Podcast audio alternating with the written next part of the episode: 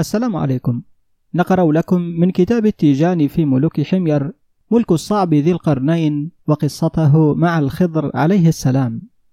وهذا هو الجزء الثاني من الكتاب ويمكنك الاستماع للكتاب كاملا من قائمة التشغيل الخاصة بالكتاب داخل قناة كتب وروايات عبد الباري الطشاني. بسم الله نبدأ. ملك الصعب ذي القرنين. وولي بعده ابنه الصعب ذو القرنين ابن الحارث الرائش ذي مراثد ابن عمرو الهمال ذي مناح بن عاد ذي شدد بن عامر ابن البلطاط بن سكسك ابن وائل بن حمير ابن سبأ ابن يشجب ابن يعرب ابن قحطان ابن هود عليه السلام ابن عابر ابن شالخ ابن أرفخشد ابن سام ابن نوح عليه السلام. قال وهب رفع الحديث إلى أمير المؤمنين علي بن أبي طالب كرم الله وجهه أنه قال حدثوا عن حمير فإن في أحاديثها عبرا. قال وهب وولي الملك الصعب ذو القرنين ابن الحارث الرائش ذي مراثد ابن عمرو الهمال ذي مناح بن عاد ذي شدد. تجبر تجبرا لم يكن في التبابعة متجبر مثله ولا أعظم سلطانا ولا أشد سطوة. وكان له عرش من ذهب صامت مرصع بالدر والياقوت والزمرد والزبرجد. وكان يلبس ثيابا منسوجة من الذهب منظومة درا وياقوتا وكان عظيم الحجابة.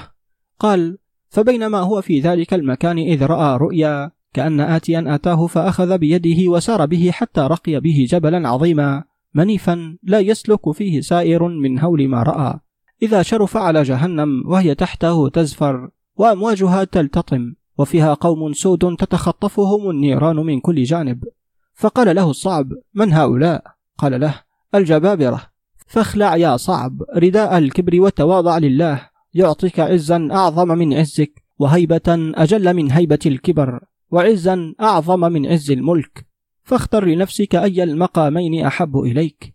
قال فلما أصبح برز للناس بعد الحجابة وتواضع وانبسط بعد العز والقسوة وجلس بين الناس ودخل قلبه وحشة خوفا من الله. ثم أمر بالعرش فأخرج. ثم قال أيها الناس اهتكوا ولكل يد ما أخذت. فهتك العرش وانتهبه الناس. ثم رمى بثوبه فتخطفه الناس. ثم قال أيها الناس إن الله الجبار يبغض الجبارين. قهر الموت من ادعى أنه نده وأذل بالملك من ادعى أنه ضده واستأثر بالبقاء بعد ذهاب الإملاء. قال وهب ثم إنه رأى في الليلة الثانية كأنه نصب له سلم إلى السماء ورقي عليه فلم يزل يرقى حتى بلغ إلى السماء فسل سيفه ثم علقه مسلطا إلى الثريا ثم أخذ بيده اليمنى الشمس وأخذ القمر بيده اليسرى ثم سار بهما وتبعته الدراري والنجوم ثم نزل بهما إلى الأرض فلم يزل يمشي بهما وتبعته النجوم في الأرض فأفاق فلما أصبح خرج إلى الناس هائما لا يدري ما هو فيه فاستنكر الناس أمره. قال وهب ولما كانت الليلة الثالثة رأى كأنه جاع جوعا شديدا وظهر إلى الأرض فصارت له غذاء فأقبل عليها يأكلها جبلا جبلا وأرضا أرضا حتى أتى عليها كلها. ثم عطش فأقبل على البحار يشربها بحرا بحرا حتى أتى على السبعة الأبحر. ثم أقبل على المحيط يشربه فما أمعن فيه إذا هو بطين وحماة سوداء لم تسغ له بما أتاه. فترك. ثم أفاق من نومه فلما أصبح هام وحار فيما رأى وغاب عن الناس لما به. فقال الناس يوما يظهر ويوما يحتجب. قال وهب فلما نام في الليلة الرابعة رأى كأن الإنس والجن آتوه من الأرض كلها حتى جلسوا بين يديه. ثم أقبلت البهائم والأنعام من الأرض كلها حتى جلست بين يديه. ثم أقبلت الوحوش من الأرض كلها حتى جلست بين يديه. ثم أقبلت الطير كلها حتى أظلته وأقبلت الهوام من جميع الأرض كلها حتى حفت به. ثم أقبلت الرياح حتى استدارت فوقه. قال فأرسل أمما من الإنس والجن مع ريح الصبا إلى المغرب فهبت بهم إلى المغرب. ثم أرسل أمما من الإنس والجن مع ريح الشمال فهبت بهم إلى يمنى الأرض. فلما ذهبت الإنس والجن أمر البهائم والأنعام فذهبت بهم الرياح الأربع وجوها من الأرض. فذهبوا في سبيل الإنس والجن. ثم أمر الطير فذهبت بها الرياح في الوجوه الأربع ثم أمر الرياح فذهبت بالوحوش وحبس سباعها تحت قدميه. ثم أمر الرياح فذهبت بالهوام في سبيل من مضى من جميع من أرسل. فلما أصبح غلب عليه هول ما رأى من الرؤيا الأولى والثانية والثالثة والرابعة. فأرسل في وزرائه وأهل مشورته ووجوه قومه فجمعهم. ثم قص عليهم ما رأى. قال لهم كنت كتمتكم أمري وهو أمر جسيم. قالوا له هل علينا حالك أيها الملك؟ فتحيرنا في أمرك وخشينا من سخطك. إن نحن سألناك من قبل أن تظهره. فلما كان إظهاره منك فرجت علينا أيها الملك أمرا جليلا واطمأنت قلوبنا فما هو أيها الملك؟ قال لهم رأيت رؤيا عظيمة. ثم رأيت في الليلة الأخرى أعظم منها. ثم رأيت في الليلة الثالثة ما هو أعظم منهما جميعا. ثم رأيت في الرابعة ما هو أعظم مما تقدم فلم أدر ما أفعل. قالوا له ما هي أيها الملك؟ فقص عليهم جميع ما رأى.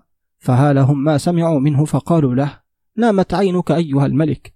اجمع أهل العلم بالتأويل والنجم والكهانة والحبابرة من أهل الدين الأول فإنهم يفسرون للملك جميع ما رأى في الليلة الأولى والثانية والثالثة والرابعة. فقالوا له أيها الملك هذا شأن عظيم لم تدرك عقولنا تأويل هذا. وإن نحن تأولناه لك لم نأمن إن نحن لم نصب وجه الرؤيا يسقط علينا الملك وقد يخرج تأويل الرؤيا على غير ظن المتأول.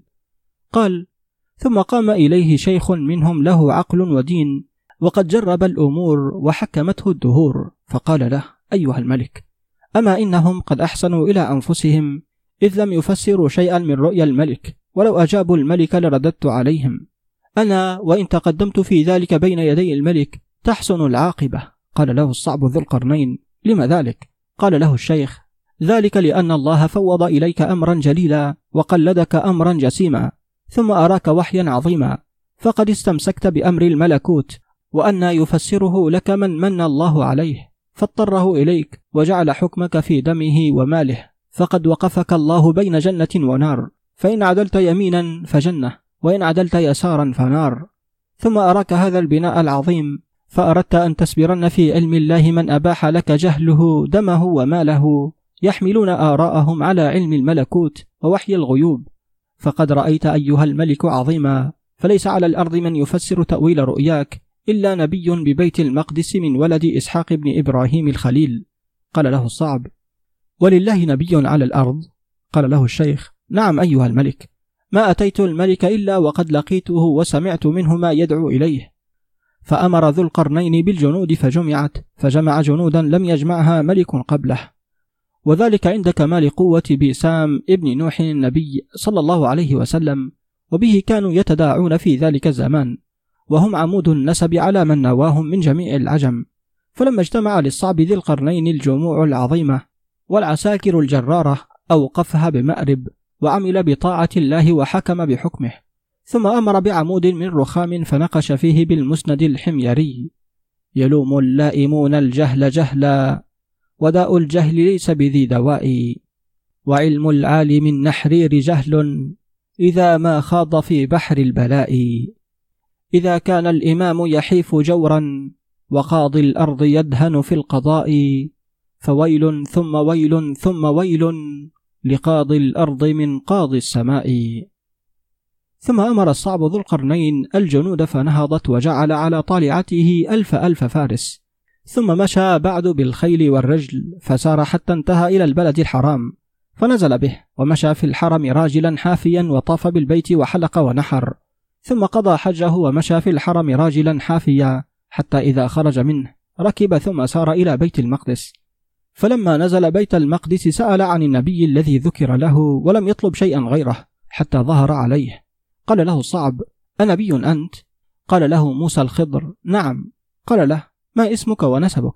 قال له موسى الخضر ابن خضرون ابن عمون ابن يهوذا ابن يعقوب ابن إسحاق ابن إبراهيم الخليل عليه السلام قال له الصعب أيوحى إليك يا موسى؟ قال له نعم يا ذا القرنين قال الصعب له هذا الاسم الذي دعوتني به ما هو؟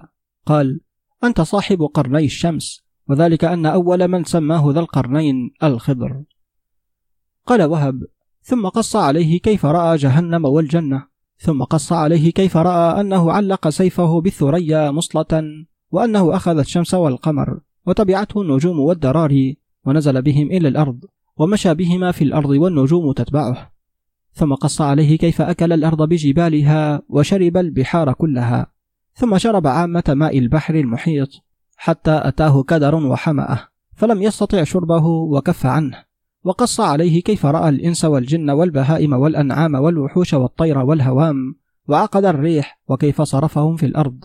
قال له إن الله مكن لك في الأرض وأعطاك من كل شيء سببا فأما جهنم فقد أنذرت فانتبه.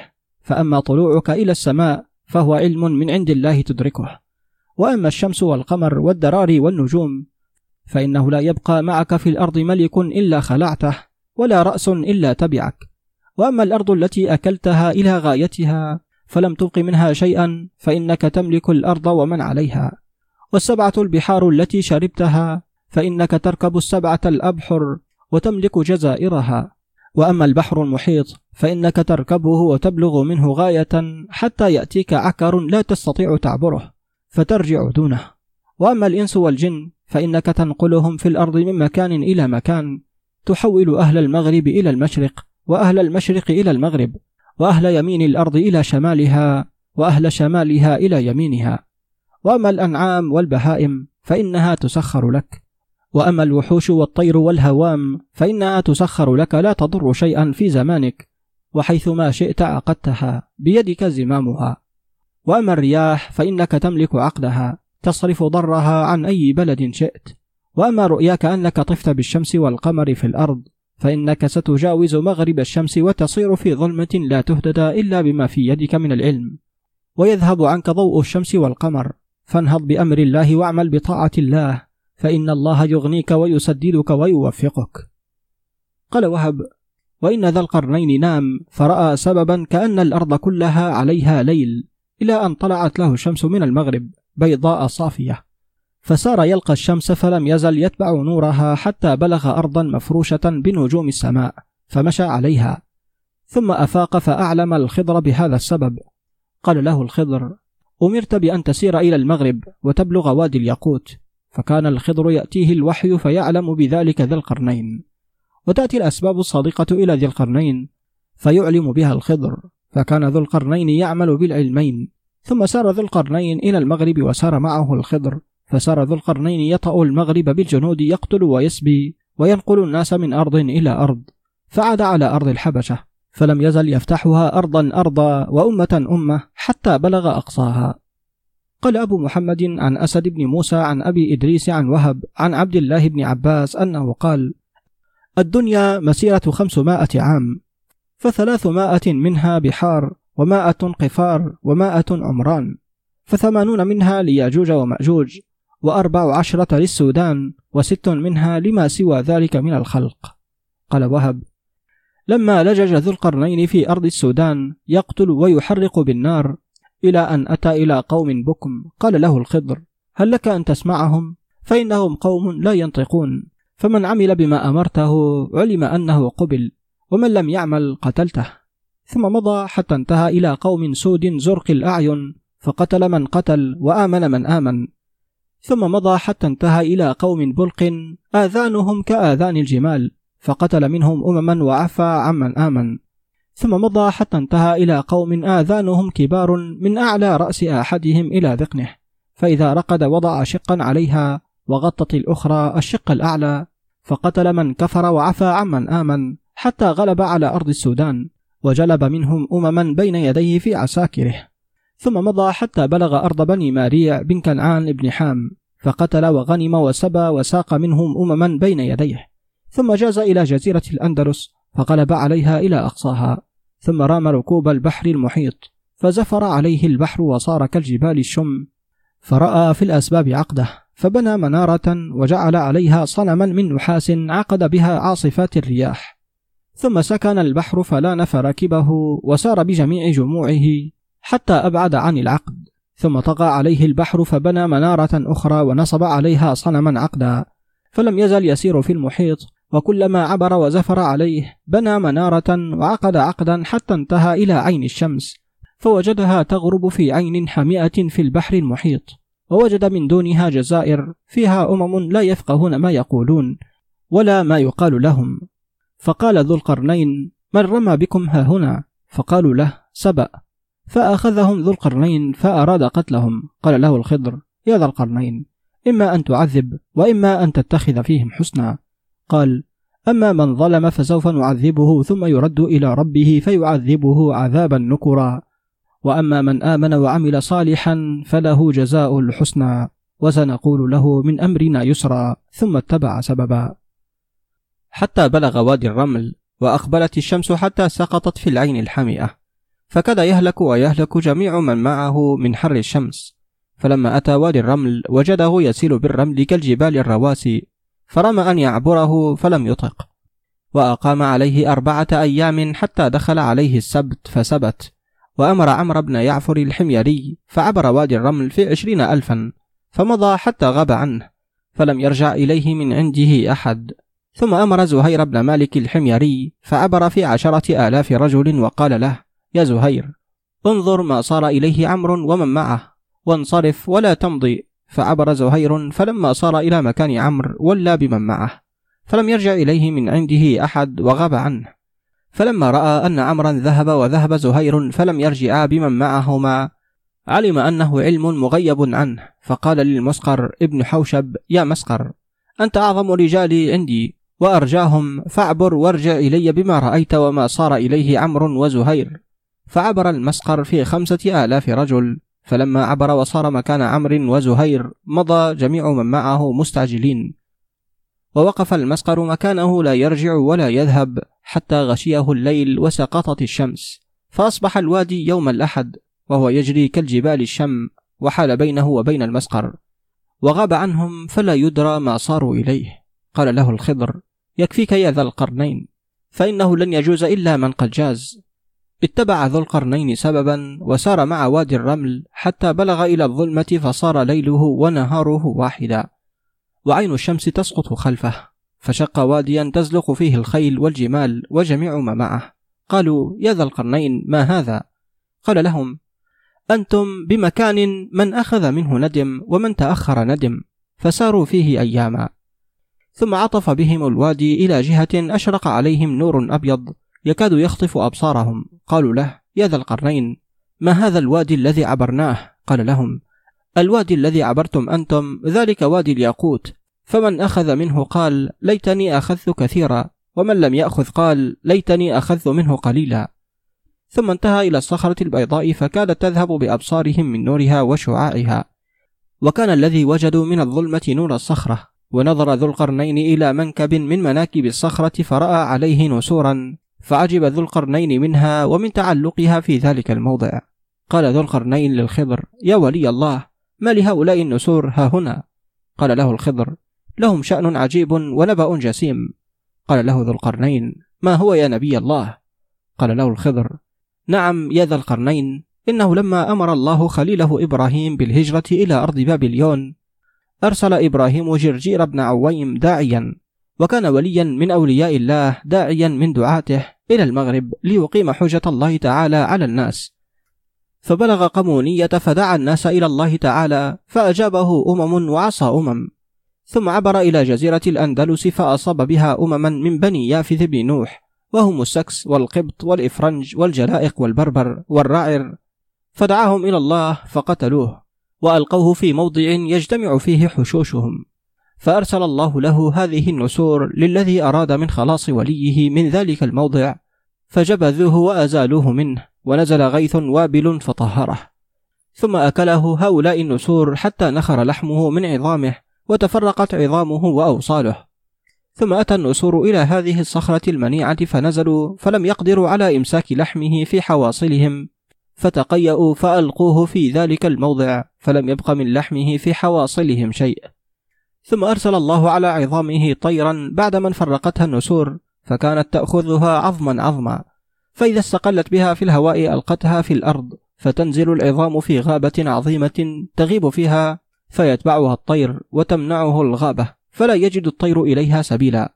فعظامه فيها إلى يوم القيامة ولحمه على هذه الصخرة إلى يوم القيامة. طهره الله من نجاسات المشركين. وقد حرم الله النبيين والشهداء دماءهم ولحومهم على الأرض والطير والوحوش والهوام حتى يقفوا بين يدي الحكم العدل فسائل ومسؤول وخاصم ومخصوم. فهناك الفوز والدرك. ثم دنا ذو القرنين من الصخرة ليرقى عليها فانتفضت وارتعدت وتقعقعت فرجع عنها فسكنت. ثم عاد إليها ثانية فانتفضت وارتعدت وتقعقعت فرجع عنها فسكنت. ثم عاد إليها ثالثة فانتفضت وارتعدت وقعقعت ثم دنا منها الخضر فسكنت فرقى عليها فلم يزل يرقى وذو القرنين ينظر إليه والخضر يطلع إلى السماء حتى غاب عنه فناداه مناد من قبل السماء امض أمامك فاشرب فإنها عين الحياة وتطهر فإنك تعيش إلى يوم النفخ في الصور ويموت أهل السماوات وأهل الأرض فتذوق الموت حتما مقضيا. فمضى حتى انتهى إلى رأس الصخرة فأصاب عينا ينزل فيها ماء من ماء السماء فشرب منه وتطهر. فلما رأى الماء ينزل ويستدير ولا يسيل منه شيء قال إلى أين تذهب أيها الماء؟ فنودي قد بلغ علمك. فلما رجع الخضر إلى ذي القرنين قال له يا ذا القرنين إني شربت من ماء الحياة وتطهرت منه وأعطيت الحياة إلى يوم النفخ في الصور وموت أهل السماوات والأرض. ثم أموت حتما مقضيا. ومنعت أنت ذلك ولك مدة تبلغها وتموت. فارجع فليس بعدها مزيد لإنس ولا جن. ولم ير ذو القرنين سببا فأقام حينا ينتظر السبب. فأنشأ يقول منع البقاء تقلب الشمس وطلوعها من حيث لا تمسي. وطلوعها بيضاء صافية وغروبها صفراء كالورس. تجري على كبد السماء كما يجري حمام الموت للنفس. لم أدر ما يقضيه حكم غد ومضى بفصل قضائه أمس. وتشتت الأسباب تخلجني نحو العراق ومطلع الشمس. أزجي لهم حربا تؤدبهم يلقون ذاك بأوجه عبس. تهوي المنون عليهم قذفا بليوث غاب غير ما نكسي. في ألف ألف كالنجوم لهم زجل كأسراب القطى الهمس والصعب ذو القرنين قاد بها لصلاح أرض الترك والفرس. يا رب معصوم لساحتها عن هالك بعالم درس. للدهر أيام لعبن بنا يأتي القضاء بمحكم الطرس. كم من قرير العين في دعة ومروع الأيام في نحس ومسود من غير مكرمة وممجد في ذاته يمسي وعسيف قوم ظل في سعة ومقام حر عاش في تعسي ومعزز لم يلق قط وغى وحريف ذل فارس الدعس. إني أرى الأسباب واضحة وأرى علوم الغيب في طمسي. يجري الزمان لنا بأربعة غيرن ما أصلحن بالأمس يوم وليل دائر بهما نحس وسعد غاية النفس. إن المسقر بعد عزته ناء عن الخلان والإنس والموت آس للنفوس متى حل القضاء رجعن للآسي هيهات لم يخدع فكان فتى لا بد أن يمسي بلا حس. رهنا ببطن تنوفة أبدا. بالحنو حنو الرمل في رمسي وإن الخضر عليه السلام؟ قال لذي القرنين. قد بلغت مبلغا ليس وراءه من مزيد ولا مرمى. وطفت جزائر المحيط وبلغت حجة الله على الجن والإنس بالمغرب. فانتظر ما يوحى إليك. فأقام حينا ينتظر. حتى رأى السبب الصادق. فناداه مناد من السماء. يا ذا القرنين. يحكم الحكم العدل على من يعرفه بالصبر على الضر فيما يرضى يا ذا القرنين. اليوم الغناء وغدا الفناء. اليوم العارية وغدا الهبة يا ذا القرنين. إن النار زفرت وتغيظت على من يعرف الله ولم يغضب له يا ذا القرنين. عذ بالرضا من الغضب وبالولاء من السخط يا ذا القرنين. اطلع مشارق الأرض فإنها ثلاثمائة مطلع وخمسة وستون مطلعا تحت كل مطلع أمة لا يعرفون الله ولا يوقنون بالبعث. فبلغ حجة الله وأقمها على من لا يعلم وعده ووعيده. وإن الخضر أتى ذا القرنين فقال له يا ذا القرنين إن لم يقل لك فسيقال لك وإن لم تر فسترى. فهل قيل لك أو رأيت؟ قال له ذو القرنين رأيت الأسباب الصادقة. وسمعت النبأ العظيم يأمر وينهى. وصية الخضر عليه السلام. قال له الخضر يا ذا القرنين إن الله مكن لك في الأرض وآتاك من كل شيء سببا ولم تعلم إلا ما شاء الله أن تعلمه من علمه. ولو ظهر إليك حرف مما غب عنك لانصدع قلبك فرقا. يا ذا القرنين حملت أمانة لو حملت على السماء انفطرت وعلى الجبال انهدمت وعلى الأرض انشقت. أعطيت الصبر وأوتيت النصر. وسترى قوما يرون أهل الأرض عبيدا لهم وأنهم شركاء الله في خلقه. وهم يأجوج ومأجوج. والله الطالب لا يفوته هارب ولا يغلبه غالب. والعقوبة بعد القدرة والمنع قبل الذل والغضب تحت الرضا والوفاء بعد العهد. يا ذا القرنين مر ينفع خير من حلو يضر. خذ ودع خذ ما لزمك ودع ما لم يلزمك. يا ذا القرنين ربما رأت عينك شيئا لم تدركه يدك ومثل لك أملك ما لم يبلغه عملك وحال دونه أجلك. يا ذا القرنين اعمل عمل من لا يموت وازهد زهادة من نزل به الموت واقنع من عيشك بالقوت. يا ذا القرنين أيقن وأتقن. فإتقانك صلاح الدنيا ويقينك صلاح نفسك. يا ذا القرنين اجعل نفسك يدك في الدنيا وعينك في الآخرة. امشي مشي من لا يغفل ولا تعجل ولا تمهل فإن في الغفلة الهلكة وفي العجلة الندامة. ومن المهل العطب كن بين حالين سدد ففي السداد الرشاد. والحق دليل فاستدل ترشد والغنى لهو ومهلكة. وأن يفيق غاو لاهن. يا ذا القرنين. من نظر إلى الدنيا بعين سقيمة نظرت إليه بعين صحيحة. وأرته النجاة وأعاضته جدة لا تخلق. ومن نظر إليها بعين صحيحة شوقته بالآمال الكاذبة.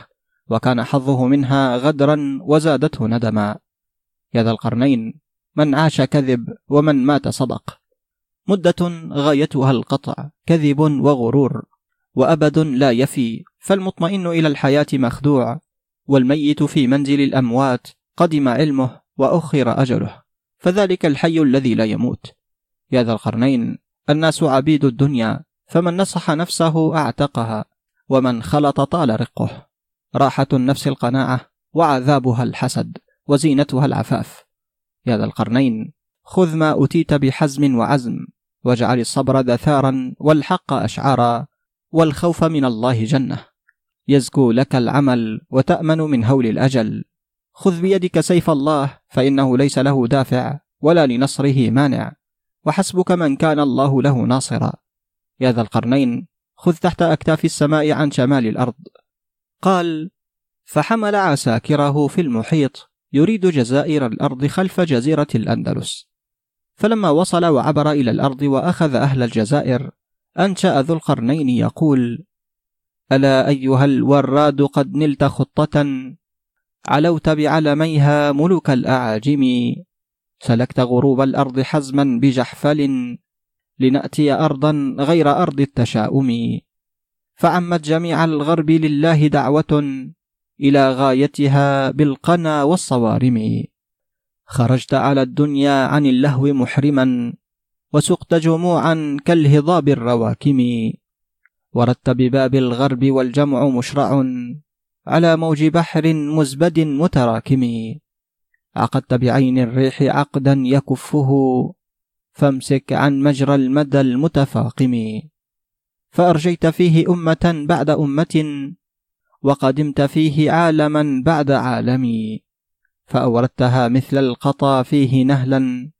لندرك في الدنيا قصي المعالم. تجرعته عذبا من الماء سائغا وكان أجاجا طعمه كالعلاقم.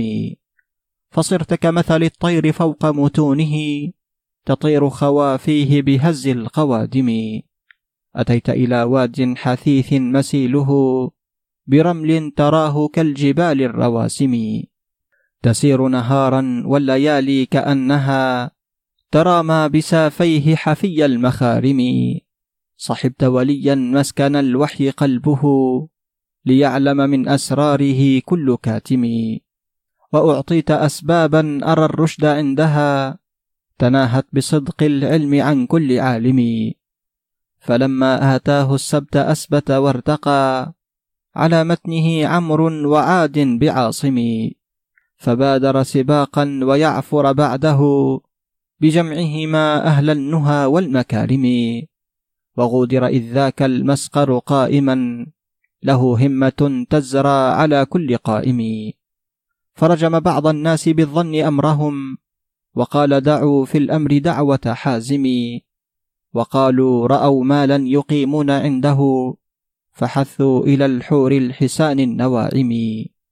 ومن قال في علم الغيوب بعلمه له نومة تربى على كل نائم.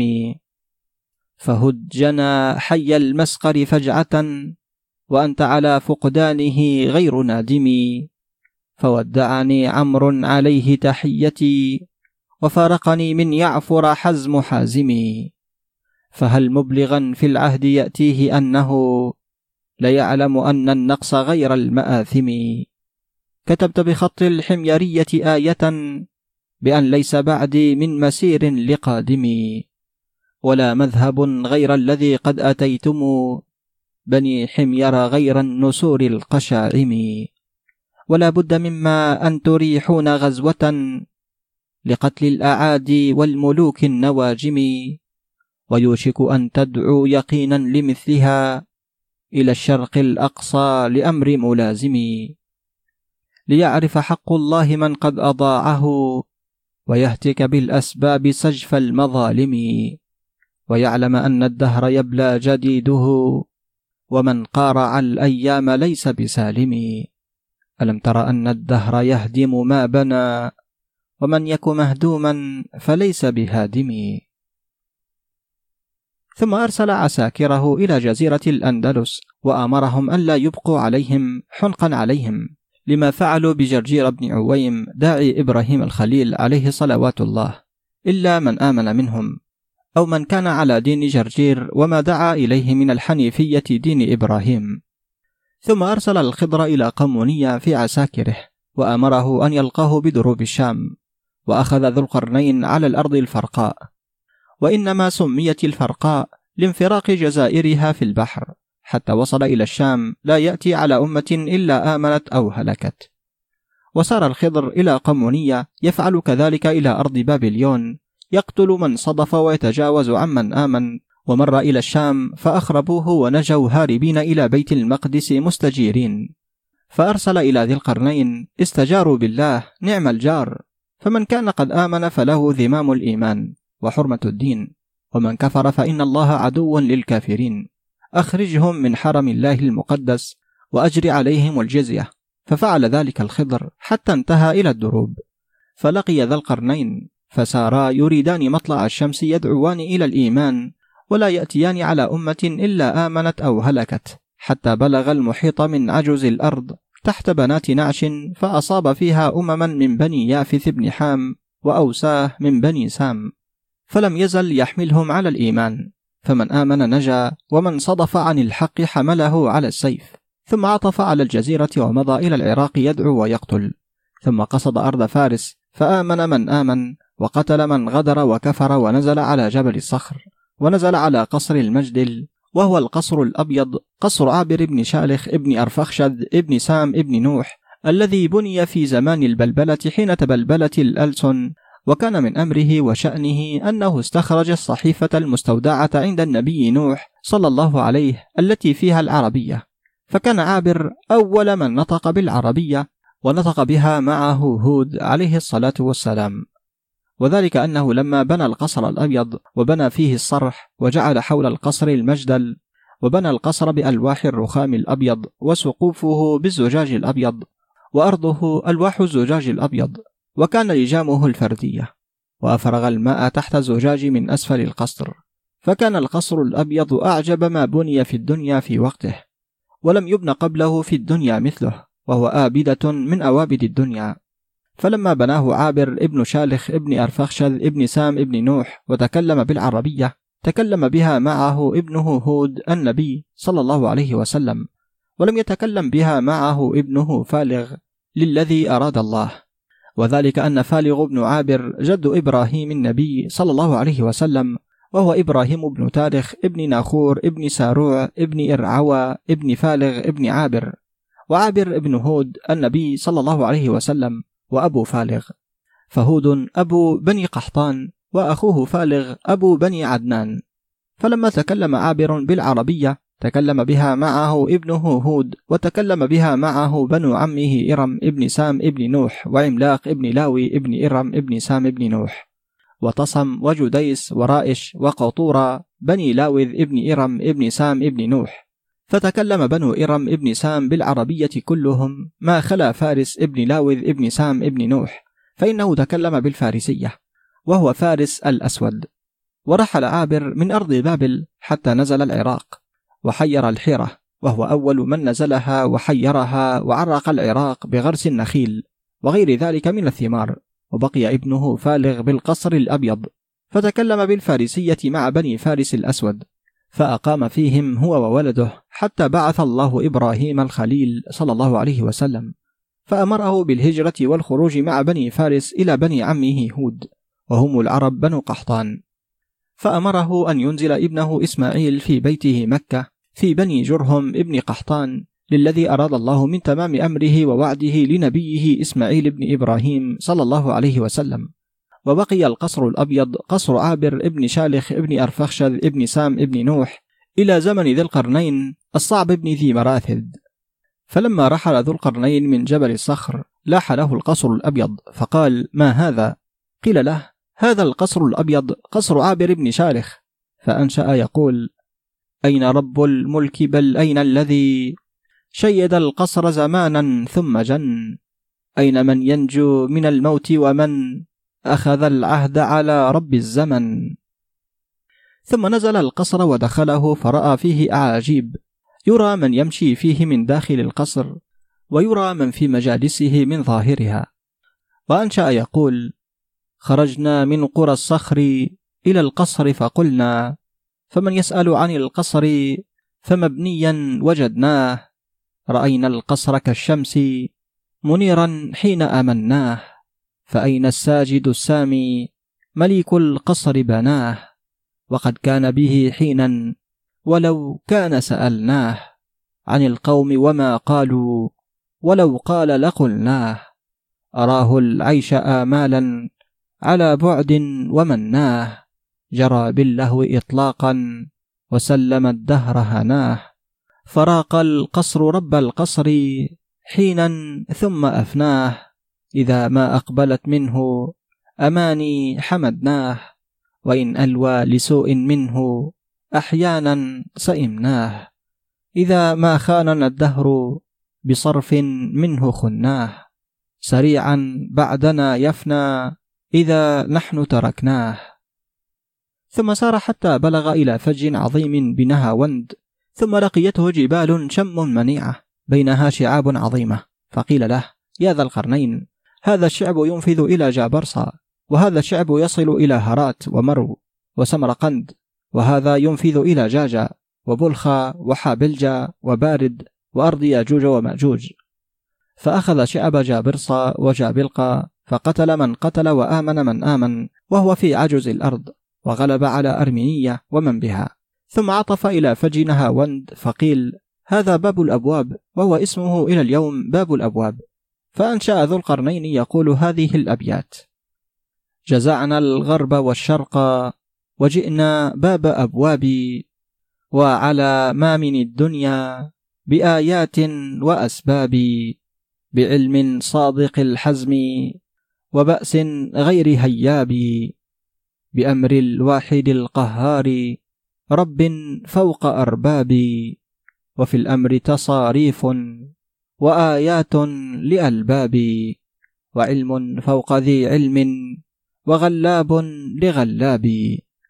ثم مضى حتى بلغ أرض يأجوج ومأجوج فقاتلهم فغلب عليهم وأناب أمة منهم. وهم بنو علجان ابن يافث ابن نوح فتركهم في جزيرة أرمينية إلى ناحية جابرصا. فسموا الترك لأن ذا القرنين تركهم ومضى يطلب يأجوج ومأجوج. حتى لجج في أرضهم فلم يزل يأخذها أرضا أرضا وأمة أمة حتى انتهى إلى الأرض الشماء. وهي جبال شم شواهق شوامخ فلم يزل يخرقها بالطرق وينزل العلو ويرفع الوهاد ويفتتحها حتى غلب عليها وبلغ الأرض الهامدة فافتتحها وهي أرض مبسوطة لا تلعة فيها ولا ربوة عليها وغلب من بها من ياجوج ومأجوج ثم بلغ جزائر الأرض الرواب التي تزاور عنها الشمس عند طلوعها فوجد عندها قوما صغار الأعين صغار الوجوه. مشعرين وجوههم كوجوه القردة وهم لا يظهرون في النهار وإنما يظهرون في الليل يختفون من حر الشمس في المغارات والكهوف في الجبال. فدعاهم بلسانهم وقد أعطاه الله سببا من كل لسان. ثم صار في أرضهم حتى بلغ أطراف جزائر المحيط فأصاب بها أمما من يأجوج ومأجوج يقال لهم الأحرار. تطلع عليهم الشمس وهم قوم سود زرق الأعين طوال الوجوه طوال الأنوف. تشبه وجوههم وجوه الخنازير وهم يختفون في النهار من حر الشمس ويظهرون في الليل. فدعاهم وآمنوا. فكان كما قال الله تعالى وتبارك بسم الله الرحمن الرحيم ثم اتبع سببا حتى إذا بلغ مطلع الشمس وجدها تطلع على قوم لم نجعل لهم من دونها سترا. كذلك. وقد أحطنا بما لديه خبرا. من سورة الكهف. ثم ركب البحر المحيط فسار فيه حولا حتى ترك الشمس عن يمينه ولجج في الظلمات حتى وصل إلى أرض بيضاء كالثلج. فيها نبات وعليها ضوء ليس كنور الشمس. نور أبيض يكاد يخطف الأبصار. قال أبو محمد فرام أن يمشي فساخت بهم الدواب إلى الصدور فترك عساكره كلها ومضى وحده وأعطي سببا عبر به الأرض. فسار أياما حتى أشرف على دار مفردة بيضاء فيها بيت واحد وعلى باب الدار رجل أبيض واقف وعلى سطح الدار رجل مبيض واقف قد أخذ شيئا كمزمار فحبسه في فمه وأمسكه بيديه جميعا وعينه تشخص إلى السماء يشخص بهما. قال له الرجل الذي على باب الدار إلى أين تريد يا ذا القرنين؟ ألم يكفك أرض الإنس والجن حتى أتيت أرض الملائكة؟ قال له ذو القرنين من أنت يا عبد الله؟ قال أنا ملك من ملائكة الله. قال له ذو القرنين فما هذه الدار ومن هذا عليها؟ قال له الملك هذه الدار دار الدنيا وهذا الذي عليها ملك من ملائكة الله. أوحى الله إليه أن يريك كيف أخذ إسرافيل الصور وعيناه شاخص بهما إلى العرش. ينظر متى يؤمر بالنفخ في الصور فصعق من في السماوات ومن في الأرض. ثم ينفخ فيه أخرى فيقومون إلى الميقات. فهناك الفصل والعدل وكفى بالله حسيبا يا ذا القرنين. ارجع فليس لك مزيد وخذ هذا العنقود يا ذا القرنين. فأعطاه عنقودا من عنب وقال له كل منه يا ذا القرنين وليأكل منه عساكرك فإن لهم فيه آية وهو يبلغكم إلى أرض الإنس والجن. وخذ هذا الحجر. فأعطاه حجرا مثل البيضة وقال له زنه بما ترى عينك في الدنيا فإن لك فيه عظة وعبرة. فرجع ذو القرنين بالعنقود والحجر إلى عساكره فأكل العنقود وأكل العساكر كلهم. ولا ينقص حتى بلغ أرض العمارة فكان مما زادهم يقينا إلى يقين وكان لهم عبرة وآية. ثم أخذ الحجر فوزنه بجميع جواهر الأرض فرجح الحجر فلم يزل يزينه بالحجر العظيم والحديد الكبير فرجح عليه. ولم يزل يرجح كل ما وزنه به ولو وزنه بالكثير من جميع ما في الأرض ما وزنه والخضر ينظر إليه ساكتا. قال له ذو القرنين يا ولي الله هل عندك علم من هذا المثل؟ قال له نعم هذا الحجر مثل لعينك لم يملأ عينك جميع ما في الأرض مثل هذا الحجر الذي لم يرجح عليه شيء في الأرض ولكن هذا يملأها. ومد يده فأخذ قبضة من تراب فجعلها في الكفة وجعل الحجر في الكفة فرجح عليها التراب وخف الحجر. قال له الخضر هذه عينك لا يملأها إلا التراب وهو الغلب عليها. قال أبو محمد عبد الملك ثم إن ذا القرنين رجع حتى بلغ السد وهو بالصدفين ولا سد فيه. فوجد فيه قوما أوقر آذانهم حسيس الفلك فقليل ما يسمعون. قال الله تبارك وتعالى بسم الله الرحمن الرحيم. ثم اتبع سببا حتى إذا بلغ بين السدين وجد من دونهما قوما لا يكادون يفقهون قولا. قالوا يا ذا القرنين إن ياجوج وماجوج مفسدون في الأرض فهل نجعل لك خرجا على أن تجعل بيننا وبينهم سدا؟ قال ما مكني فيه ربي خير فأعينوني بقوة أجعل بينكم وبينهم ردما. آتوني زبر الحديد حتى إذا ساوى بين الصدفين قال انفخوا حتى إذا جعله نارا قال آتوني أفرغ عليه قطرا. فما استطاعوا أن يظهروه وما استطاعوا له نقبا. قال هذا رحمة من ربي فإذا جاء وعد ربي جعله دكا وكان وعد ربي حقا. وتركنا بعضهم يومئذ يموج في بعض ونفخ في الصور فجمعناهم جمعا. وعرضنا جهنم يومئذ للكافرين عرضا. من سورة الكهف. قال أبو محمد فبنى السد ذو القرنين بين يأجوج ومأجوج وبين الناس. قال عظم السد في جسمه ألف ذراع وفي طوله ألف ذراع. بنى جسرا دونه وهو من أوابد الدنيا من الصدفين إلى أرض أرمينية وهو مسيرة سبعة أشهر. ثم سار يريد أرض الهند. حتى بلغ قطربيل فوجد بها قوما سموا بالترجمانيين وهم من بني يافث ابن نوح. وإنما سموا بالترجمانيين لأنهم ترجموا صحف إبراهيم بلسانهم فأجابوا بما فيها. فلما آتاهم ذو القرنين وجدهم بقطربيل وهم من بني عرجان ابن يافث ابن نوح وجدهم قد سكنوا مقابرهم ووجدهم لا غني فيهم ولا فقير ولا قاض فيهم ولا أمير ولا ناه فيهم ولا آمر. ورأى مواشيهم بلا رعاة ورآهم بين الأنهار في خلاء من الأرض وقفار واستغنوا منها باليسير عن الكثير. قال لهم يا بني عرجان ما بالكم سكنتم المقابر؟ قالوا يا ذا القرنين سكناها لئلا ننسى الموت ونطمئن إلى الحياة وتستهوين الدنيا. وإنا رأينا الأرض كالبحر يسلكه المرء فيغطي قدميه ثم يمضي فيغطي ساقيه ثم يتمادى فيعلو حقويه ثم يمضي فيعلو منكبيه ثم يعلو رأسه ثم يضطرب بيديه ورجليه. فتقلبه أمواجه فتذهب به حيث شاءت فلا يدري ما تحته من الهواء ولا ما فوقه من السماء.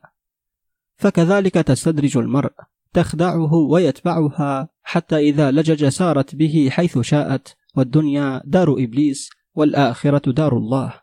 فمن عمل للآخرة أطاع الله وعصى إبليس ومن عمل للدنيا أطاع إبليس وعصى الله. فإن إبليس نصب فتنه بكل سبيل. قال وما بالكم? أراكم ليس فيكم غني ولا فقير. قالوا له رأينا غني الدنيا فقيرا بالآخرة ورأينا معاش هذه الدنيا أعز أهلها وأعظمهم كعيش أذل من فيها وأحقرهم. ولو أن الدنيا كلها للعزيز ذهب وفضة ودرر وجوهر ليس له من جميع ماله غير شباعه ولا من كسوته غير لبسه فأرفع طعام ذا في شباعه وأحسن لباس ذا في كسوته. إذ دفع عنه حره وبرده كأحقر لباس ذا من كسوته. إذ دفع عنه حره وبرده. وكان الأمل من قلوبهما واحدا. تساوينا فيما لا فضل فيه بين الأرواح والأجسام. ثم رأينا القوي منا لا غنى له عن الضعيف والضعيف لا قوام له دون القوي. وأنه متى هلك الضعيف منا هلك القوي ومتى هلك القوي هلك الضعيف. فتساوينا لئلا يكون منا ضعيف يحسد قويا ويبغضه ولا يكون قوي يحقر ضعيفا. فواصل القوي الضعيف حتى تكافأ الناس في معاشهم فحسنت معاشرتنا. قال لهم فما بالكم؟ لا أمير فيكم ولا قاض ولا آمر ولا ناه. قالوا له رأينا القرون من قبلنا والأمم في دهرنا يغصب القوي الجاهل الضعيف القليل الناصر. ويقهر العزيز القادر الذليل المهين ويستطيل كل ذي يد إلى ما قدرت عليه. فما من عزيز إلا أرسل الله عليه أقوى منه يسلبه قواه وأذله بعد عزه. ولا يد استطالت فبطشت إلا حال الله بينها وبين ذلك بيد أبطش منها وأجهل. وما من متكبر إلا أديل عليه بمتكبر ولا من أمة إلا انتقم الله منها بأمة. فلما رأينا ذلك كففنا بعضنا عن بعض البغي والعدوان والجهل والتسافه والحسد والتواكل فأصبحنا وأمسينا إخوانا وليس فينا ظالم ولا مظلوم. فلما لم يجري بيننا ظلم كفانا الله بغي غيرنا من الناس واطمأنت بنا الدار وطاب لنا القرار. قال فما بالكم بين أنهار وأنتم في خلاء وقفار ليست لكم إلا عمارة يسيرة. قالوا له اجتزينا بالقوت ويسير المعاش. قال لهم أحسنتم في جميع أحوالكم خلا عمارة الأرض. اعمروها لعقبكم فإن العقب إذا لم يجد متعة يتمسك بها من معاشه تطاول بها إلى ما في يد غيره فحمل نفسه على الهلكة. فإما لا دنيا ولا آخرة وإما دنيا بلا آخرة. إن ظهر عليه عدوه كان بلا دنيا ولا آخرة وإن ظفر فدنيا بلا آخرة. ولكن ذللوا الأرض للحرث واغرسوا الأشجار واستخدموا الأنهار فإنها حياة النسل والبهائم والأنعام. فإن لكل دين فترة ولكل فترة كفرة ولكل كفرة سكرة. واحذروا التبديل فإن لكل أمة تبديلا وتكذيبا. ثم مضى إلى أرض سمرقند فوجد فيها الزط والكرد والصغد فقتل منهم من قتل وأجاب من أجاب. ثم أخذ أرض مرو فوجد فيها الخزر وفرغان والديلم وجميع هؤلاء القبائل من بني يافث فقتل منهم من كفر وآمن من آمن ثم مضى إلى أرض هراه فوجد فيها الحوز والإفرنج فأجابوه فغلب عليهم وقتل الجبابرة وأهل العتو في الأرض. ثم سار على البر إلى أرض الصين فلقي السند وهم من بني حام ابن نوح. فقاتلهم فغلب عليهم وقتل من قتل. ثم دخل أرض الهند والهند أخوة السند من بني حام ابن نوح فقاتلهم فغلب عليهم وعلى جميع أرض الصين. ثم رجع إلى أرض بابل فغلب عليها وعلى من بها من قبائل بني نوح حتى أجابوا. ثم سار يريد أرض تهامة والحج بمكة. فلما صار من رمل العراق بموضع يقال له حنوق راقر من أرض برقة رحرحان رأى في الأسباب أنه يموت بالحنو ويكون فيه قبره ومنه محشره وكان رآه أيضا حين امتنعت من طلوعه عليها الصخرة البيضاء. فلما رأى الموت وأيقن به ونعيت إليه نفسه أعلم بذلك الخضر فقال له الخضر يا ذا القرنين انقضى الأمل وحان الأجل وبقي العمل فحكم عليك اليأس لما تقحم عليك الممات فنزل الرضا وغاب عنك القضاء. وقد وعدك الله وعدا والله متم وعده. عصم دعاته في الدنيا من المكاره وحرمهم في الآخرة على النار. فقال ذو القرنين الصعب بن ذي مراثذ الحميري لما رأيت من المنون وعيدا قوضت رحلك سحرة تجريدا. مثل لنفسك ملحدا أخدودا واحذر لنفسك موقفا مشهودا. وبدت لك الأسباب عن آياتها. لما بدرت وجردت تجريدا إن اليقين يزيد لحظا صادقا وترى من الأمر الخفي وعيدا. قد حقق السبب الخبير بأمره لما أتاك يصدق الموعودا ودعاك إذ حان الرحيل ولم تجد لما دعاك عن الرحيل محيدا. ولقد رجوت بأن تقال فلم تجد عند الرجاء من السنين مزيدا. ولت سنوك وغاب عنك مقامها وأرى لعمرك فقدها موجودا. ليس الذي ولى وإن أملته مما تحب إلى المني مردودا. أن يلوم أخو النهي أيامه سفها ويكثر عندها التفنيدا. أسفا لمن جار الزمان ولم يزل بظبي المنية نحره مقصودا. أين الذي يخشى وينسى عمره يوما على بعد المدى معدودا؟ لابد أن يلقى المنون وإن نأت وتأبدت أيامه تأبيدا. ولقد رأى من حكمها فيما مضى عبرا مشينا معجلا ووئيدا كم جددت من ذي السقام وأخلقت بعد الغضارة والنعيم جديدا. كم ألفت من شاسعين وشتتا بعد الإقامة والجميع عديدا. من كان في حقب الدهور مخلد من كان في حقب الدهور مخلدا أو كان في جمع العبيد عنيدا. تستعبر الأيام منه جدة بعد النعيم ولو غدا جلمودا. يهتكن عنقة والتثبير ووائلا وتحط بعد علوه عبودا. لا يطمئن إلى الزمان وريبه. من كان لم يعهد عليه خلودا. فيأس فلا يبقى وإن طال المدى. من كان فوق أديمها مولودا. ألوى بحمير والمقعقع بعده. وأباد عادا قبله وثمودا. يا صعب حقا كل شيء هالك. إلا الإله الواحد المعبودا هتكت خطوب الدهر عزك هتكة. أمسى حسامك دونها مغمودا. أخذ الزمان من الشبيبة فرصة فأرى الزمان وعصره محمودا. عمرت ألفا بعد ألف قبلها في العالمين وقد دعيت وحيدا. يا سائلين عن الزمان وسيره مذ كنت منه مضغة موؤودا. أعطيت ما لم يعط قبلي قائم وجمعت جمعا كالدبا محشودا. وجلبت أهل الأرض من آفاقها ألفت أملا كابها وجنودا. عج النساء لدى الحجون بمكة لا رأين حريمها مقصودا. فنحرت فيها ألف ألف ضحوة. ودعوت قولا بالمقام سديدا فلقد أخم اللحم فيها برهة وحنثت لما أن أضل قصيدا. وقصدت آفاق الغروب بقدرة فوجدت نحسا عندها وسعودا. فهديت منها مؤمنا ذا همة فهديت منها مؤمنا ذا همة. وقسرت منها كافرا وجحودا. ما إن أرم لما أجاب مخافة حتى يظل عن الصراط لدودا. ورأيت عين الشمس عند سقوطها ووردت أمواج المحيط ورودا. وبلغت أعلام المشارق كلها أبقى لمن أبقى بهن حدودا. فوطئت يأجوجا ومأجوجا بها وبنيت قطرا دونها وحديدا.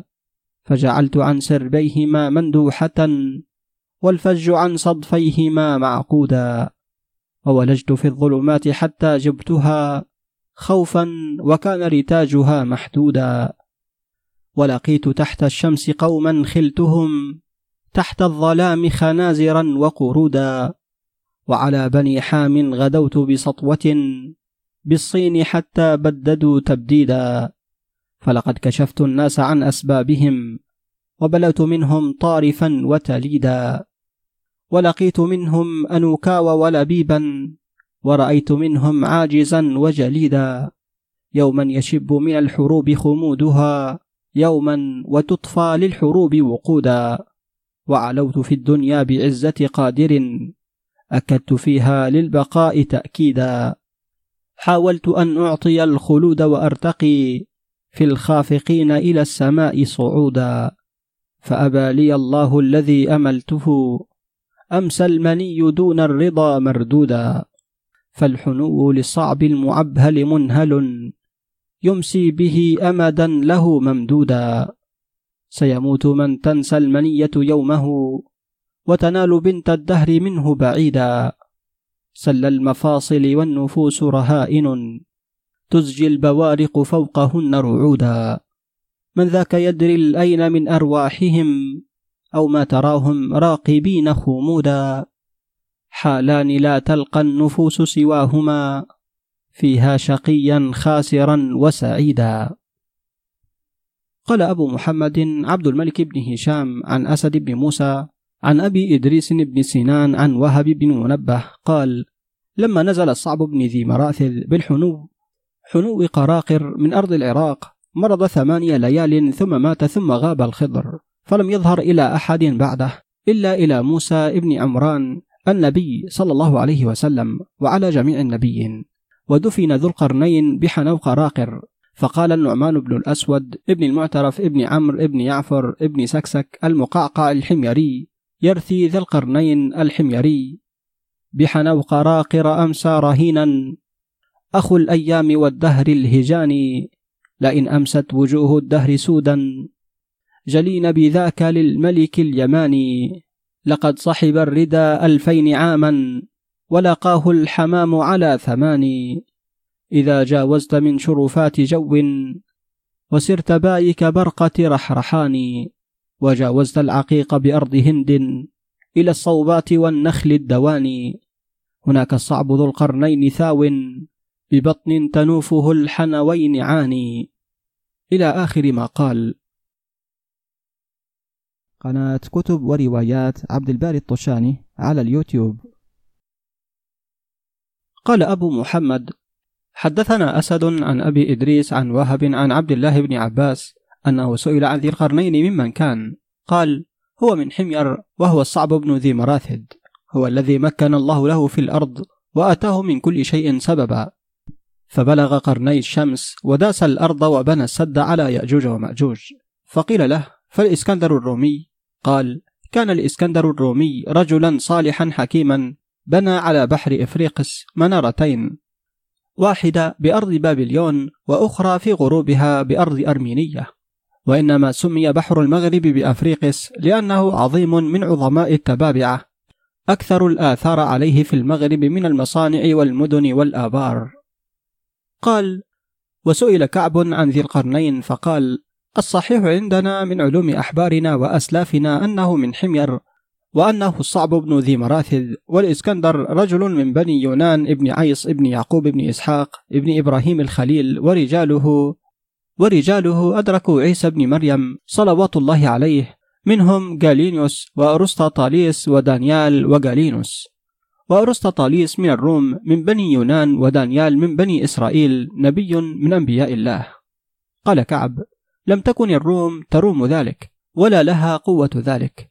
والذي بعث محمدا بالحق ما حمير في أهل الدنيا إلا كالأنف في الوجه. أو قال بين العينين. ولقد قال رسول الله صلى الله عليه وسلم أوحى الله إلي أني بعثتك أميا وجعلت لك ما تحت قدميك وشددت ظهرك بمن خلفك من اليمن.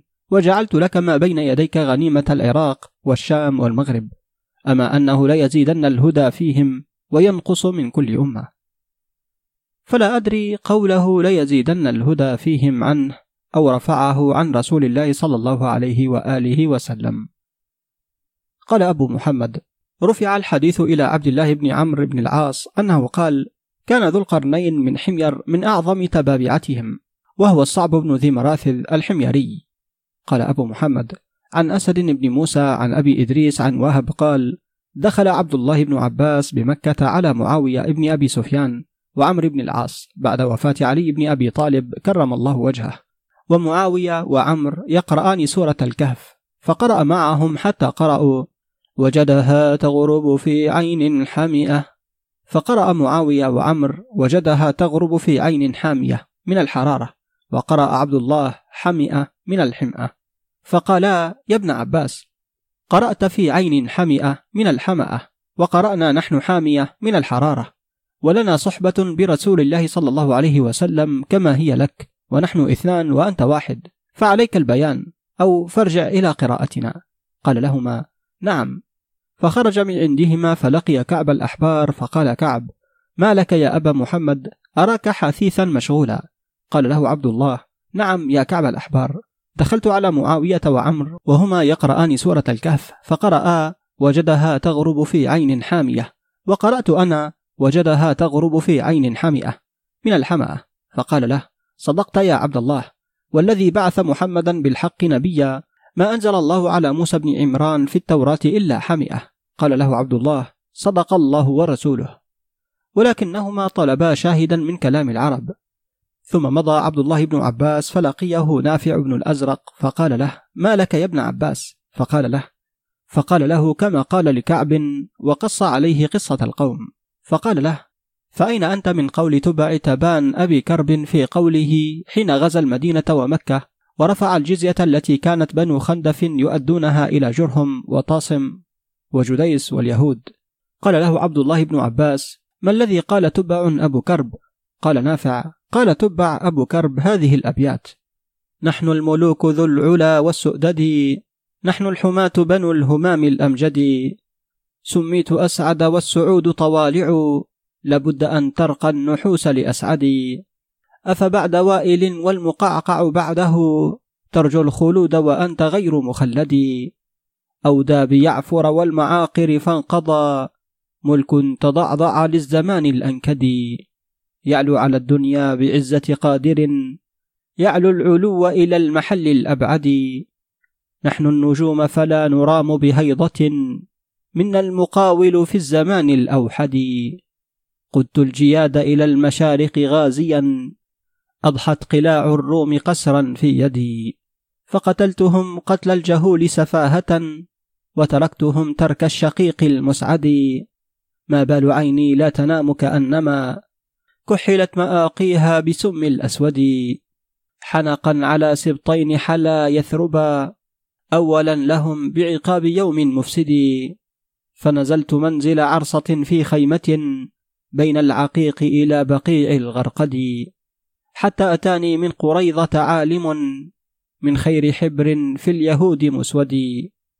قال ازدجر عن قرية محجوبة لنبي مكة من لؤي أحمد. فعفوت عنها عفو راج ربه وتركتها لعقاب يوم سرمدي وتركته لله أرجو عفوه يوم الحساب من الحميم الموقد. إلى أن قال فهدى القبائل أمة عن أمة وأبار قتلا مفسدا عن مفسد. كم من عمي القلب أضحى مبصرا وعميد قوم سيد لم يهتدي. جريا بأمر غاب عنا حكمه.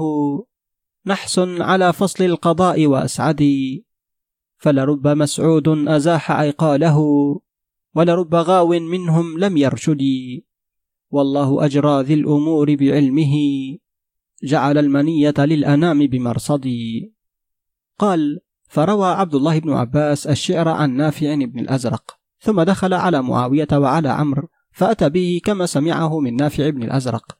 فقال له معاوية وعمرو علمنا أن مقرأك أقرب إلا أن طلبنا منك سببا تأتي بهذا الشاهد عليه. ثم عطف معاوية على عبد الله بن عباس فقال له يا أبا محمد هل تدري شكر تبع فيما فعل بقومك وما كشف عنهم؟ قال له عبد الله به جعله الله خيرا منك. قال لنبيه محمد صلى الله عليه وسلم في قومك أهم خير أم قوم تبع؟ قال معاوية يا ابن عباس فما الحلب والثأط والحرمد؟ قال الحلب الحمأة والثأط ما تحتها من الطين والحرمد ما تحته من الحصى والحجر. ولقد أتت العرب بالشواهد في أشعارها وخطبها بذي القرنين الصعب ابن ذي مراثذ قال امرؤ القيس ابن حجر المقصور بن الحارث آكل المرار الكندي يذكر ذا القرنين الصعب ابن ذي مراثد ألم يحزنك أن الدهر غول؟ خطور العهد يلتهم الرجال. أزال من المصاطر ذا رياش وقد ملك السهولة والجبال. همام طحطح الآفاق وحيا وقاد إلى مشارقها الرعالا وسد بحيث ترقى الشمس سدا ليأجوج ومأجوج الجبال. وفيه يقول قيس بن ساعدة الأيادي وكان قيس بن ساعدة أحكم العرب في زمانه وأخطبهم. حدثنا زياد البكائي عن محمد بن إسحاق المطلبي قال أتى وفد إياد البيضاء إلى الرسول صلى الله عليه وسلم فلما أسلموا قال لهم رسول الله صلى الله عليه وسلم هل فيكم قيس بن ساعدة؟ قالوا له مات يا رسول الله في العام الأول. قال رسول الله صلى الله عليه وسلم لقد شهدته بعكاظ وهو على جمل أحمر وهو يخطب الناس ويقول معشر الناس اجتمعوا واسمعوا وعوا. أما بعد فإنه من عاش مات ومن مات فات وكل ما هو آت آت. إن في السماء لخبرا وإن في الأرض لعبرا نجوم تمور ولا تهور وبحور تفور ولا تغور. وسقف مرفوع ومهاد موضوع ومولود يولد وحي يفقد. أقسم قيس قسما بالله وما رفع ليطلبن من الأمر لحطا وإن كان في بعض الأمر رضا. إن في بعضه لسخطا وإن بلغت لقد قصرت. أن وراء هذا لعجبا. أقسم بالله أن لله دينا هو أرضى من ديننا هذا الذي نحن عليه. ما لأرى الناس يذهبون فلا يرجعون يموتون ولا يحيون. أرضوا بالمقام فأقاموا أرضوا بالمقام فأقاموا لما تركوا. كلا ليبعثن. وقال أبياتا لا أحفظها. وكان صلى الله عليه وسلم لا يروي الشعر ولا يقوله. فقال له رجل من الوفد أنا أحفظها يا رسول الله؟ قال له قل. فقال له الأيادي قال يا رسول الله هذه الأبيات. في الذاهبين الأولين من القرون لنا بصائر. لما رأيت مواردا للموت ليس لها مصادر. ورأيت قومي نحوها تمضي الأكابر والأصاغر. لا يرجع الماضي ولا يبقى من الباقين غابر. فعلمت أني لا محالة حيث صار القوم صائر. ثم قال رجل من الوفد لقد شهدته قبل موته بعام يا رسول الله وهو على جمل وهو يخطب الناس ويقول هيهات هيهات. أيها الناس كذب الكاذب وصدق الصادق وقد أفل فاعتدل ولا بد من موقف يشهد الشاهد ويحكم الحاكم. أين إحسان المحسنين وإساءة المسيئين؟ كلا لتجدن كل نفس سعيها. أيها الناس هيهات والله هيهات. كذب الأحياء الأموات. يسكنون منازلهم فلا يعتبرون ويرون مضاجعهم فلا يتعظون ويأكلون تراثهم فلا يحزنون ويعلمون ما يعلمون وهم آمنون. أما بعد فإن كل آكل مأكول وكل وارث موروث وكل ساكن ضاع وكل آمن خائف. اليوم يوم وغد يوم فغد سالب واليوم مسلوب والغالب خير من المغلوب. أيها الناس هل أتاكم ما لم يأت آباءكم الأولين؟ أم أخذتم عهدا من السنين؟ أم عندكم من ذلك اليقين؟ أم أصبحتم من ذلك آمنين؟ بل والله أصبحتم في غفلة لاعبين.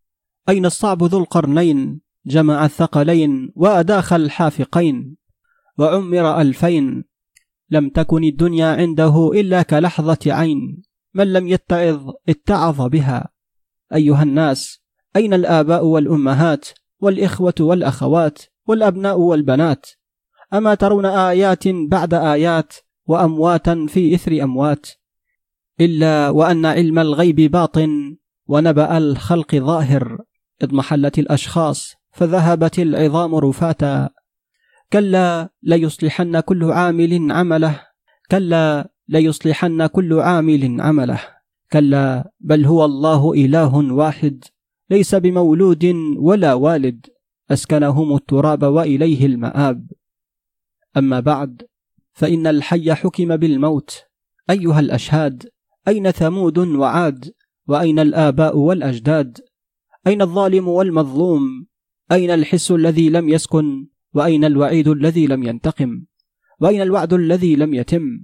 هل تعلمون أين ذهب أبرهة ذو المنار وعمر ذو الأذعار؟ أم تدرون ما صار إليه عبادة الفتاح وأذينة الصباح وجذيمة الوضاح؟ عزوا فقهروا ونهوا وأمروا وبنوا المصانع والآبار وجدولوا الأنهار وغرسوا الأشجار. واستخدموا الليل والنهار فكانا مطاياهم إلى دار القرار. أرسلوا مالهم وانتظروا ما يرجع به سؤالهم. ارتقبوا فلم يرقبوا. هجمت الآجال دون الآمال. ألا وأن كل شيء إلى زوال. وأنشأ يقول قد كنت أسمع بالزمان ولا أرى أن الزمان يطيق نتف جناحي فأراه أسرع في حتى أصبحت بيضا متون عوارضي وصفاحي وأنا الكبير بسنه في قومه هيهات كم راوحت من أرواحي.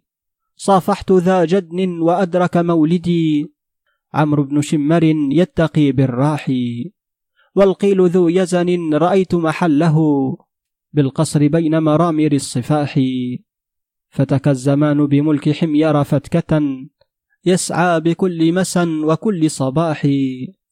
أودى أبو كرب وعمر وقبله وأبار ملك أذينة الصباح. وأباد إفري قيس بعد مقامه بالمغرب المستغرق الفياح. والصعب ذو القرنين أصبح ثاويا بالحنو بين ملاعب الأرواح. وغدا بأبرهة المنار فأصبحت أيامه مسلوبة الأصباح. أخنى على صيف بحادث صرفه مستأثرا بجذيمة الوضاح. أم أين علكدة الهمام وملكه؟ أم أين عز عبادة الفتاح؟ والعبد والهدهاد صارا عبرة طارا عن الدنيا بغير جناح. إلى آخر الأبيات. قال أبو محمد وفيه يقول الأعشى بني ضبيعة ابن قيس بن ثعلبة والصعب ذو القرنين أصبح ثاويا بالحنو في جذث أشم مقيما في شعر له. قال أبو محمد ومما ذكرت العرب به ذا القرنين في أشعارها قول ربيع بن ضبع ابن وهب ابن بغيض ابن مالك بن سعد بن عدي ابن فزارة ابن ذبيان. وكان معمرا عمر مائتي عام. وكان أحكم العرب في زمانه وأشعرهم وأخطبهم وشهد يوم الهباءة وهو ابن مائة عام وكان من أنجد فارس في حرب داحس.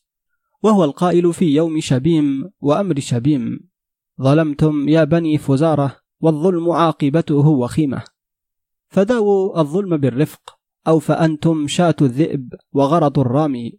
وقال لحمل بن بدر عند هزيمتهم يا حمل هل تعلم ما لا أعلمه؟ سديت غزلا لا تطيق تلحمه. والظلم للظالم حتما يلجمه. ألا ترى قيسا تأطت أسهمه. يقتل ذا الظلم ومن لا يظلمه. وكان أنجد فارس يوم الهباءة حبس خلف بني فزارة حتى بلغوا حريمهم. وهو القائل يوم الهباءة لما حبس خلف بني فزارة حتى أثخن جراحا فقال رأيت موتين علينا نزلا. موتي وموت الغر من قوم الملا. بذلت روحا دونهم معجلا كيما ألاقي الموت منها منهلا. قال أبو محمد لما كبر وخرف وأدرك الإسلام فقال قوم أسلم وقال قوم لم يسلم منعه قومه ذلك. قال أبو محمد جمع بنيه وبني بنيه فقال لهم ألا أبلغ بني بني ربيع فأشرار البنين لهم فداء بأني قد كبرت ودق عظمي. فلا يشغلهم عني النساء. وإن كنانتي لانت بقسر وإني لا أسر ولا أساء. إذا جاء الشتاء فدثروني فإن الشيخ يهرمه الشتاء. وإن دفع الهواجر كل قر فسربال خفيف أو رداء. ثم قال يا بني اجمعوا لي بني ذبيان. ثم قال يا بني فزارة بن ذبيان من أعزكم؟ قالوا أنت يا أبا سالم. قال إن لكم أن تدوسوا أعزكم عليكم بأرجلكم فذلك أرفع لقدره عندكم. يا بني ذبيان آمركم بأربع وأنهاكم عن أربع. آمركم بالحلم فإنه بحسن المعاشرة والجود فإنه يزرع المودة.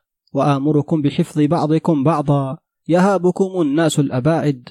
وآمركم بالعلم فإنه زين ومحبة في قلوب العالم. وأنهاكم عن السفه فإنه باب الندم ومنزل الذل.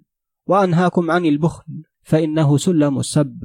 وأنهاكم عن التخاذل فإنه آفة العز. وأنهاكم عن الجهل فإنه رزية ومهلكة. واسألوا عما جهلتم فإن في السؤال هدى وفي الصمت على الجهل عمى. ولا تستصغروا من لا تعرفونه ولا تحسدوا من لا تدركونه. ولا تحمدوا غير كريم ولا تبخلوا على شريف ولا تفضلوا على غير محتاج فيذهب فضلكم هباء. ولا تمنع السائل فإن منعه مقت. ولا غيبة فإنها قرض مردود ولا سيما أنها تعقب. يا بني ذبيان اجعلوا قبري علما فإني قدمت في الناس خبرا. فإنه شأن وذكر حسن وتركت للبنين فخرا. ولو قدمت سيئا أمرتكم أن تخفوه. فإنه علم السب. احفظوا قولي فإنه مقامي ورائي فيكم. وأنشأ يقول لقد عزفت نفسي عن اللهو جمه وإن نهلت من لهوها ثم علت رأيت قرونا بعد قرن تقدمت فلم يبق إلا ذكرها حين ولت. ألا أين ذو القرنين؟ أين جموعه؟ لقد كثرت أسبابه ثم قلت. خرفت وأفنتني السنون التي خلت. فقد سئمت نفسي الحياة وملت. تجاوزت في يوم الهبات هنيدة وألفيت عودا حينما حين حلت. فكم مشهدا وردت نفسي وطيسه أجشمها مكروهه حين كلت. وكم غمرة ماجت بأمواج غمرة تجرعتها بالصبر حتى تجلت. وكانت على الأيام نفسي عزيزة فلما رأت عزمي على الأمر ذلت. هي النفس ما منيتها تاق شوقها وإلا فنفس أوسيت فتسلت. قال أبو محمد لما همت عبس بصلح ذبيان قام بأمر الصلح بينهم عوف بن حارثة ابن أبي حارثة وحصن بن حذيفة وكان عوف بن مرة بن سعد ابن ذبيان وكان حصن عن فزارة ابن ذبيان. وقام هارم بن سنان ابن أبي حارثة المري عن بني عبس. قال لما أتى بنو عبس بدية بني ذبيان وأتى بنو ذبيان بدية عبس وقع على حسين بن ضمضم المري عشرة أبكار وكان بخيلا أكولا لحما. وكان فارس بني ذبيان فأدركه البخل فأراد نقض الصلح وقال والله يا بني عبس لا نصالحكم إلا الصلح المخزية. جدع الأنوف والأذنين فقال الربيع بن زياد الحريم ولج الغريم وطال الشر وغدر الدهر. فغضب عنترة وقال يا حسين الحرب خير لي والصلح خير لك فدونك أضعفنا حقا خسره الله فأرسلها مثلا. قال حسين أيها الغراب جار بك الخطاب اسكت يا بني عبد شمس. قال له عروة بن الورد العبسي وكان رأس الصعاليك وأجسرهم يا حسين شهدتك وأباك وأخاك وأنتم تسألون العرب بسوق عقاظ سنة المسغبة. قال حسين كف أيها الصعلوك الشاعر. فقال عروة ارتجالا أرى الناس في الآفاق جما وأنني على كل فج خائف الشعب واحد. لي الذئب ندمان ولي الليث صاحب. تثور إذا أحد النعام الشوارد. أطيل الطوى حتى إذا برح الحفا. طعمت يسيرا والتجمل رائد. وما بي إملاق ولكن تكرما. أشيد ما شاد الكرام الأماجد. ولست كمن يمسي بطينا وإنه. يبيت خميصا جاره وهو راقد. أنيل نوال الأقربين وإنه. ليدرك معروف الأقاصي الأباعد. أفرق جسمي في جسوم كثيرة. وأحسو قراح الماء والماء بارد. وقال الربيع بن الضبع يا حسين تعرضت للسب. وقال الربيع دار الصديق إذا استشاط تغيظا والغيظ يخرج كامن الأحقاد. ولربما كان التعصب باحثا لمثالب الآباء والأجداد. وقال عروة بن الورد يهجو حسين بن ضمضم لن يكن فارس الهياج هجينا. إن شداد لم تلده العبيد. هل يجوز الخطاب ليث عرين ولنار الخطوب فيه وقود؟ إن خير العشير من جمع الشمل وعاد بما تساد الصيد. ويك أمر الله في كل حين وقضاء بكل يوم جديد. أين تصم ورائس وجديس؟ ثم عاد من قبلها وثمود. لم أبيت الرشاد من سلم عبس وآتانا من دون ذاك الوعيد. أنت أوعدت للحروب وعيدا ذاك وعد يأتي بك الموعود. إنما عاقك العشار عن السلم وطعم الحروب مر شديد. صدك البخل عن حريمك حتى جئت بالشؤم والبخيل صدود. هل تخوفت ما مضى من سؤال وزمان الردى عليك يعود. إن من عضت الكلاب عصاه ثم أثرى حقيق ألا يجود. فجعل بنو عبس وبنو ذبيان أمرهم إلى حكم الربيع بن طبع فقام الربيع بعكاظ بين عبس وذبيان خطيبا فقال أيها الناس أصاب الإياس وأخطأ القياس وبين الحق والباطل التباس. أيها الناس من عبر غبر وكل عثار جبار وكل فائت مطلول. يا بني ذبيان الخير والشر على اللسان والنجاة في البيان. يا بني ذبيان دار الحروب فإنها تذل. يا بني ذبيان طلب الثأر ضالة الأشرار ومزالق الأعمار وهلاك الأخيار. أخوكم عبس عدوكم أمس فطلاب أمس الذاهب هلاك غد المقبل. هلا سألتم عن الأحقاد تصم وجديس وعاد؟ اعلموا أن كل ذاكر لناس وكل مقيم ضاع وكل ثابت زائل. وبين الأموات موت الأحياء والسرعة إلى الأجل. ذهاب العاجل والذل غنيمة الظالم.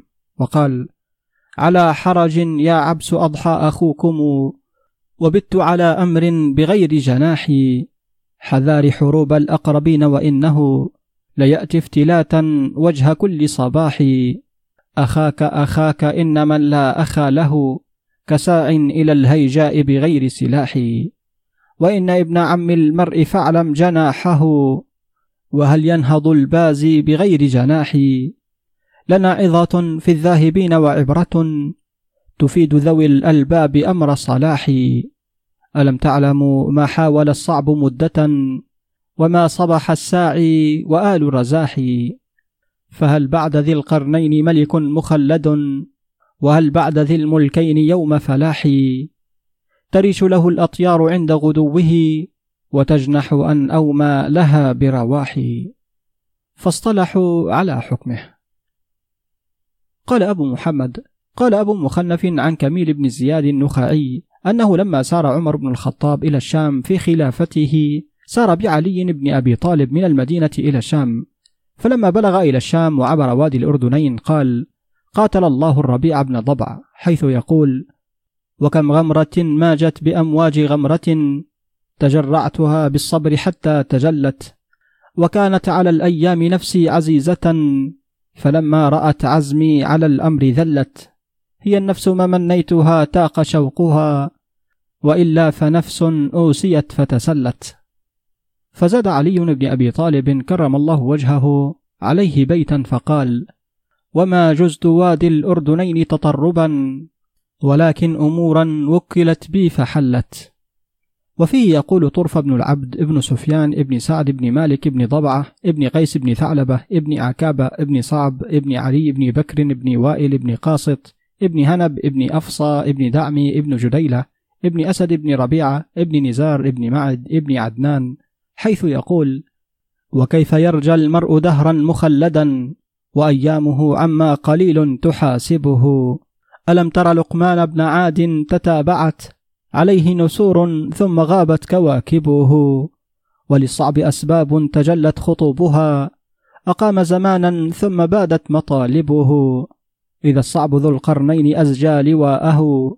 إلى ملك ساسان فقامت نواجبه يسير بوجه الحتف والعيش جمعه وتمضي على وجه البلاد كتائبه.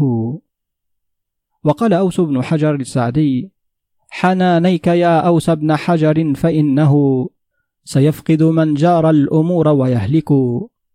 وتجري الليالي بانتقاص وفرقة وإن سبيل الصعب لا شك يسلك. هنا ننتهي من قراءة الجزء الثاني من كتاب التيجان في ملوك حمير ويمكنك الاستماع للكتاب كاملا من قائمة التشغيل الخاصة بالكتاب داخل قناة كتب وروايات عبد الباري الطشاني. عزيزي متابع قناة كتب وروايات عبد الباري الطشاني الآن يمكنك دعمنا للاستمرار في تقديم المزيد ولتحسين جودة المحتوى سواء على بيبال أو يمكنك الاشتراك معنا على منصة باتريون التي نشارك فيها معك محتوى حصريا. كما لا تنسى متابعتنا على منصات التواصل الاجتماعي. وللاستماع للكتب مباشرة تابع البودكاست الخاص بنا. ستجد كل الروابط بالوصف بالأسفل.